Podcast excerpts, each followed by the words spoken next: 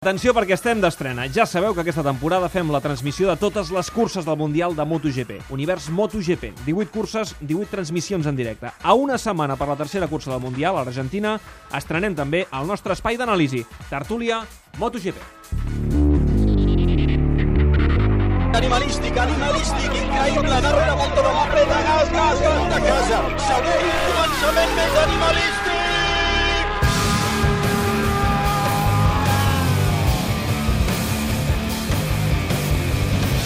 Compte, compte tro, compte tro que ve Valentino, el tro de Cervera amb el pneumàtic que no tocava, amb el pneumàtic dur, vol la victòria, venia sense pretemporada i la vol i la voldrà. I em fa por el tro, em fa por que queda molt poquet, que queda un quart de volta, que queda molt poquet. Aviam si Valentino ho intentarà en aquest rebot número 15 i estem arribant. La diferència, el Marc ha fet una estirada brutal, brutal, brutal, brutal. A l'Akbar, a la cama dreta. Marc Márquez, que juga a casa a les Amèriques per això. Oh, say can you see by the dawn's early light. Així celebrava el Damià Aguilar eh, la victòria de Marc Márquez a la segona cursa de la temporada i també a la primera al Qatar al circuit de Losail. Dues curses aquesta temporada, dues victòries del tro de Cervera, de Marc Márquez. Victòria ajustada, apassionant al Qatar amb un frec a frec vibrant amb Valentino Rossi i victòria del Marc Austin al circuit de les Amèriques. Aquesta dominant amb autoritat de principi al final per davant del seu company d'equip Dani Pedrosa. Al Mundial, líder el tro amb 50 punts, segon Pedrosa amb 36 i tercer Rossi amb 28. I Lorenzo? Doncs un drama, un abandonament a Qatar i una sortida en fals a Austin. Còmput total per Lorenzo, 6 punts en dues curses. Obrim espai de tertúlia MotoGP amb l'Emilio Pérez de Rozas del Periódico de Catalunya. Emilio, què tal, com estàs? Bona tarda. Hola, què tal? Bona tarda. El Xavi Guillén de TV3. Xavi, bona tarda i benvingut. Hola, bona tarda. I el tal? nostre narrador, el Damià Aguilar. Damià, bona tarda. Hola, bona tarda. Uh, us ho pregunto primer uh, a tu, Emilio, i al Xavi. S'ha acabat el Mundial? No, acaba de començar. acaba de començar. El que passa que ha començat molt bé pel Marc, però no, no, acaba de començar. Home, jo crec que, a veure, si tenim en compte el que va passar l'any passat, no?, i com va anar l'any passat, doncs llavors es pot dir que, eh, bueno, que, els, que els rivals del, del Marc i sobretot que els rivals de Honda ho tenen bastant fotut, eh? Ho tenen, ho tenen bastant malament, perquè insisteixo, si, com diu tothom, eh, els que saben de veritat de motos, eh, el que va fer el Marc l'any passat va ser realment increïble, perquè inclús el seu jefe màximo, el Suhei Nakamoto, va dir que ell a Honda mai ha tingut un pilot que trigui tan poc en comprendre la moto. Diu que tots els seus pilots, des de Duhan, hasta Stoner, hasta Pedrosa, eh, Hayden, tots han tardat un any en comprendre la seva moto i el Marc la va fer seva en 3 o 4 mesos l'any passat, no? I eh, després va poder fer el que va fer, clar, que va ser convertir-se en el campió més jove de tota la història del motociclisme.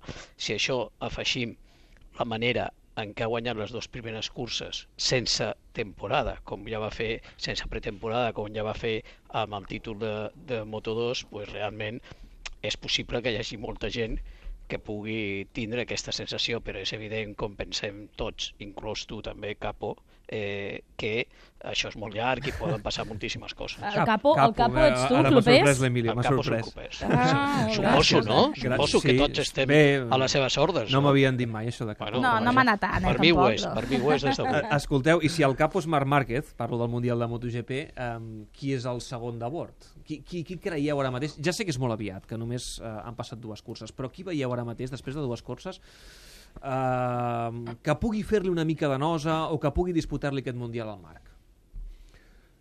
Jo, jo, crec que serà Lorenzo. Eh? Jo crec que serà Lorenzo. serà Lorenzo. El sí. que passa que ha començat molt És evident malament. que té de ser Lorenzo. Uh, té problemes per tot arreu, perquè la moto no va com ell voldria. Té un problema d'adaptació als pneumàtics que es va veure a Qatar, que no sé com serà Europa, hem d'esperar els grans premis d'Europa, sobretot Jerez. Jerez marcarà realment on està cada moto i cada equip. Uh, dins de l'equip no hi ha bon ambient, aquestes baralles contínues no ajuden a centrar-se, però això ho haurà d'arreglar el Jorge, jo crec que això ho arreglarà, encara que aquest cop li costarà més tenir un entorn més tranquil, però serà, sens dubte, serà el Jorge. Serà el Jorge, serà Yamaha, que Uh, Yamaha ha de, fer un, ha de donar un plus, perquè a l'equip poden arreglar certes coses dins l'equip, però el, el que han de modificar molt és la moto, i això ha de Després- ser Yamaha. Jo, jo uh, a la versió aquesta del Xavi afegiria... Per cert, el de mi ha vingut? Sí, Sí, sí, sí. Ah, vale, vale, és, perdona. us està escoltant molt Vale, vale, atentament. perdona, perdona. Està a la trinxera vale, vale. esperant per No, no, vale, eh? vale, perdona, ja em sembla Emilio. bé. Ja em sembla Està escoltant-vos amb una Ah, atenció ah, màxima. No, amb aquesta, no, a veure, amb aquesta exposició, amb aquesta exposició del Xavi, jo afegiria, eh, sobretot a l'hora de parlar de rivals i, i com anirà el campionat i qui, i qui arriesgarà per prendre punts i qui arriesgarà per guanyar i qui arriesgarà per ser un bon company i, i tot això, jo afegiria un fet que és molt important, que a lo millor que a lo millor es pot resoldre amb els pròxims mesos però que pot durar tota la temporada, que és el fet que, com sabem tots, els quatre eh, grans pilots acaben contracte aquest any.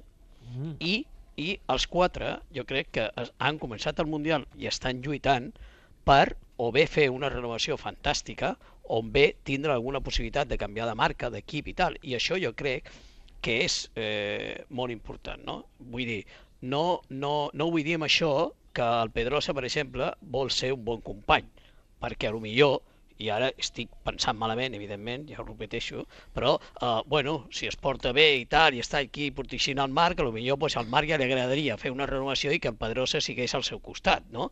I si, si a damunt, amb tot això, fa fora o té poques possibilitats al Lorenzo de fitxar per Honda, doncs millor que millor, m'entens? Vull dir-te? I, I al Lorenzo li passa pues, tres quarts de lo mateix. O sigui, el Lorenzo, com diu el Xavi, ara es té d'oblidar totalment de tot el que ha passat i té de començar a guanyar-se la renovació i a guanyar-se els punts perquè està en una situació bastant complicada. El No? Jorge està, jo, des del meu punt de vista, en un forat, eh, digue-li psicològic, digue-li d'una altra manera, segurament més psicològic que una altra cosa, i, i si ha de recuperar-se d'aquesta situació, com tu dius, Emilio, ha de ser per ell mateix. És a dir, ha de pensar en ell mateix. Ell que teòricament va deixar aparcada eh, la, la, la primera aproximació de Yamaha per la renovació buscant un millor moment per ser més fort a l'hora de negociar, ara està en el pitjor moment per posar-se a negociar, ni, ni amb Honda, ni amb Ducati, ni amb Yamaha, ni amb ningú. Bàsicament, el que ha de fer és eh, sortir del pou, perquè sí que és veritat que sobre el paper ha de ser l'home que li ha de plantar cara eh, sempre eh, a Márquez. Eh, el que passa és que per moto ara mateix hauria de ser Pedrosa, Però- perquè però si com- però realment diem que la possible? Yamaha va tan malament, que jo no ho crec, no ho sé, Però com és possible que li passi el que li ha passat al, al Jorge? Perquè, mira, l'error de la primera cursa pots pensar, mm, ell mateix ho va reconèixer, no? que, que va voler tirar molt des del principi i ell va reconèixer el seu error. Però l'error de, la segona, de la segona cursa, jo no ho havia vist mai, vosaltres teniu més experiència amb el món del motor, sembla in increïble que li pugui passar a un pilot de la seva categoria. Bé, perquè és fruit del gran nerviosisme que té, perquè ell ha vist perfectament que amb la moto tal com està és impossible guanyar el Márquez. Llavors, té un nerviosisme que li, li va provocar caure a Qatar i aquí li va provocar aquesta errada tan estratosfèrica eh, pròpia d'un pilot que comença a córrer i no pas d'un pilot veterà. I, eh, bé, aquests nervis se li han menjat. Però Rossi, per exemple, a Qatar sí que amb una Yamaha va competir Sí, però. Qatar és un circuit molt particular, es corre de nit. Uh, Rossi l'any passat també ho va fer molt bé a Qatar, i en canvi després durant tot l'any no va fer res. La diferència de Rossi de l'any passat aquest és que la seva pretemporada ha estat millor. Per tant, en principi, Rossi està millor que l'any passat, però caldrà que comencin les carreres europees per saber el, el veritable nivell de Rossi aquest Sí, any. perquè Valentino deia jo mm, vull fer un pas endavant important a Austin per demostrar que la meva pretemporada ha estat bona, etc. A, a, a Valentino Austin no ha demostrat absolutament res perquè segurament no ho ha pogut demostrar per, mm, per la raó que sigui. I aquí ha estat tan brutal el domini de Márquez que a, absolutament ha enfosquit a tothom, fins i tot el Dani, que va fer segon. va vull dir, absolutament a enfosquit. Quasi 5 segons i Dovi a 20 segons. I ara mateix ens n'anem amb, una, amb un circuit com és Argentina, que la norma de la llei de Murphy... és nou, eh? Que, a més a més, la, la norma de la llei de Murphy, pel que hem vist en les dues últimes temporades, és circuit, Circuit nou, nou, victòria segura victòria per Márquez. Aquesta hauria de ser una mica l'eslògan. I en base a què? En base al fet que l'any passat va arribar amb un circuit nou com era Austin i se'ls va menjar tots. No, a veure, jo, jo en aquest sentit, completant eh, l'exposició de, de tots nosaltres, eh, jo, crec, jo crec que hi ha un, hi ha un fet eh, realment que, que crida l'atenció, no? Què és? Què és? Eh, el personatge, vull dir, el, el mateix Marc Márquez, ja és un pilot que ha deslumbrat a tothom. O sigui, és, és evident, és evident que estem davant del que tothom, i insisteixo, perdona, eh, Clopers, amb el tema de eh, dels que saben de motos, vale? vull dir, quan tu parles amb el Randy Mamola, quan tu parles amb el Kevin Schwantz, quan tu parles amb el, amb el, el, amb el Carlo Pernat, que, sí. que, que, que ha estat mànager del, del Rossi, el que va descobrir, quan tu parles amb Gian Piero Sacchi, que és el tio que va portar Lorenzo quan tenia eh, 14 anys amb el Dani Matrei, quan tu parles amb aquesta gent, et diu que mai han vist això i que, i que tenen els seus dubtes de que ho tornin a veure. Vale. Això, això ho agafes, o sigui, és a dir, aquest pilot l'agafes i el fiques a la millor fàbrica del món, de 150 enginyers, un equip increïble i, com s'està demostrant, i com ha dit el Xavi, una moto que és capaç d'agafar 20 segons a la segona, a la tercera a la quarta moto. I després, un altre fet que també és molt important i que això també és una cosa que, que fa encara millor que és primer any on té el seu equip, els seus mecànics, la seva gent, els seus amics, els seus acompanyants de viatge, els seus acompanyants de viure al, a l'hotel, amb ell. I això, eh, coneixent el Marc, és molt important, perquè el Marc vol guanyar per tothom, però també vol guanyar per als seus. Ara... I aquesta manera de viure, aquesta manera de convivir, aquesta manera de disfrutar... Aquesta, és una, aquesta actitud, eh? És una manera, és una manera que el fa millor.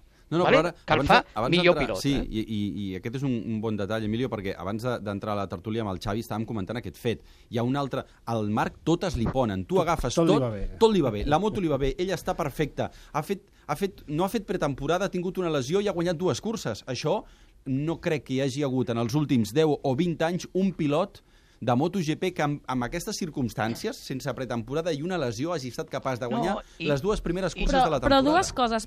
Primer, si dieu que Lorenzo veu clarament que la seva moto Yamaha no pot competir amb Honda, perquè Avui, Honda... avui. Ara mateix, no? Per tant, eh, Pedrosa porta una Honda, per tant el rival de Marques hauria de ser Pedrosa Hauria de ser. i no Lorenzo. Podria Què ser. passa? Veieu que pot ser Pedrosa el rival i, i la segona cosa esteu dient, el segon Gran Premi estem parlant de la renovació i que els pilots ja estan pensant, els quatre grans pilots, en les renovacions. I ja- ja- és que ja per tant, dic. hem de- hem d'entendre que tot el Mundial tindrà molt en joc tot el factor anímic i psicològic dels pilots Clar. durant tot el Mundial. Clar, però és que no només això que tu dius, sinó que el Marc ja els ha derrotat a tots.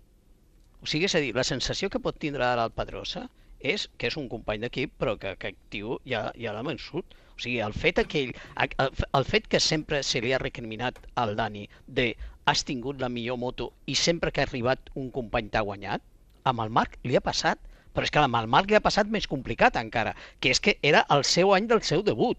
O sigui, com, com tothom sap, quan el Marc va arribar a l'equip Honda, li van dir, eh, tu tranquilito, eh, que aquí el que tiene que ganar las carreras y el título es Pedrosa. Claro, se lo dijeron a un tío que no, no tenían ni idea de a quién se lo estaban diciendo, evidentemente, como se ha demostrado. Pero lo que vull dir I que, a més és a que... més, recorda que i vaig a la segona part del meu raonament, ha recuperat l'equip després de la que liar l'any que passat, jo, és que forçant, perquè el No, Marc no, però- l'any passat va, va, va però- plantejar un, un ultimàtum al però- seu equip, que era vull recuperar el meu equip. L'ha recuperat i, a més a més, Aragón- està demostrant, Clar. està demostrant que És la que s'està recuperació d'aquest molt amb equip això, eh? li dona la raó. És que amb això s'està jugant moltíssim, perquè ell, amb el Kanamoto i amb el Livio Supo, quan ell va portar tot el seu equip, li van dir, no, oye, mira, que tienes falta de experiencia, el equipo también, el primer año te ponemos a estos italianos, te, te traes a tu jefe técnico y, a tu, y, a- y al mecánico del que te fíes, y punto.